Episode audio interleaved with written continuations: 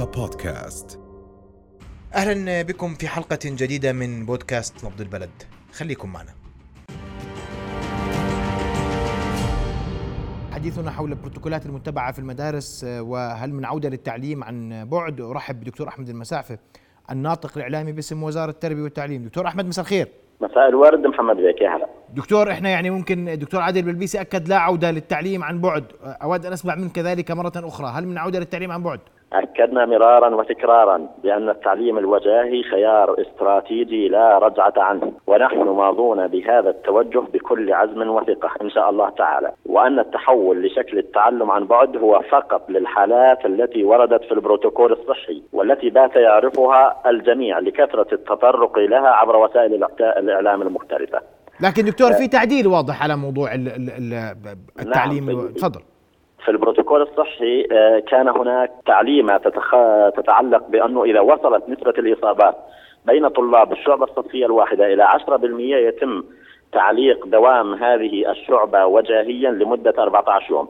التعديل الجديد اللي جاء بناء على توصية جديدة آه، من لجنة الأوبئة آه، تخفيض هذه المدة إلى خمس أيام دوام رسمي. بمعنى أن الطلاب آه، الذين آه، غير مصابين آه، يعطلوا خمس أيام يحضروا فحص PCR فإذا كان سلبي تعاود هذه الشعبة الدوام الوجاهي بعد خمس أيام دوام فقط. وبالتالي هذا يؤثر على أننا ماضون في التعليم الوجاهي إن شاء الله تعالى. نعم دكتور هل من إغلاق لأي من المدارس أو الشعب في المملكة؟ آه، سيد العزيز نسبة الإغلاقات في الشعب الصفية لا تتعدى اثنين بالألف يعني اثنين بالعشرة بالمية من مجموع عدد الشعب الصفية عندنا تقريبا 82 ألف شعبة صفية عدد الإغلاقات لا يتجاوز اثنين بالألف.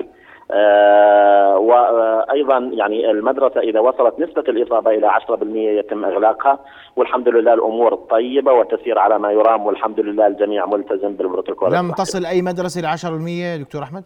في المدارس الحكومية يعني لغاية الآن آه، لا- يوجد. مدارس خاصة؟ ولا مدارس خاصة. يعني في المدارس في المملكة لم يتم تسجيل 10% إصابات ولم تغلق أي مدرسة؟ اثنين بالألف نعم. فقط من المد... من الشعب أغلقت بسبب إصابات 10% أشكرك كل الشكر دكتور أحمد. جدا. لا عودة عن التعليم الوجاهي وما حدث من تعديل على البروتوكول يهدف لمزيد من التعليم الوجاهي للطلبة. كل الشكر لك الناطق اعلامي باسم وزارة التربية والتعليم دكتور أحمد. المسافه كنت معنا عبر الهاتف.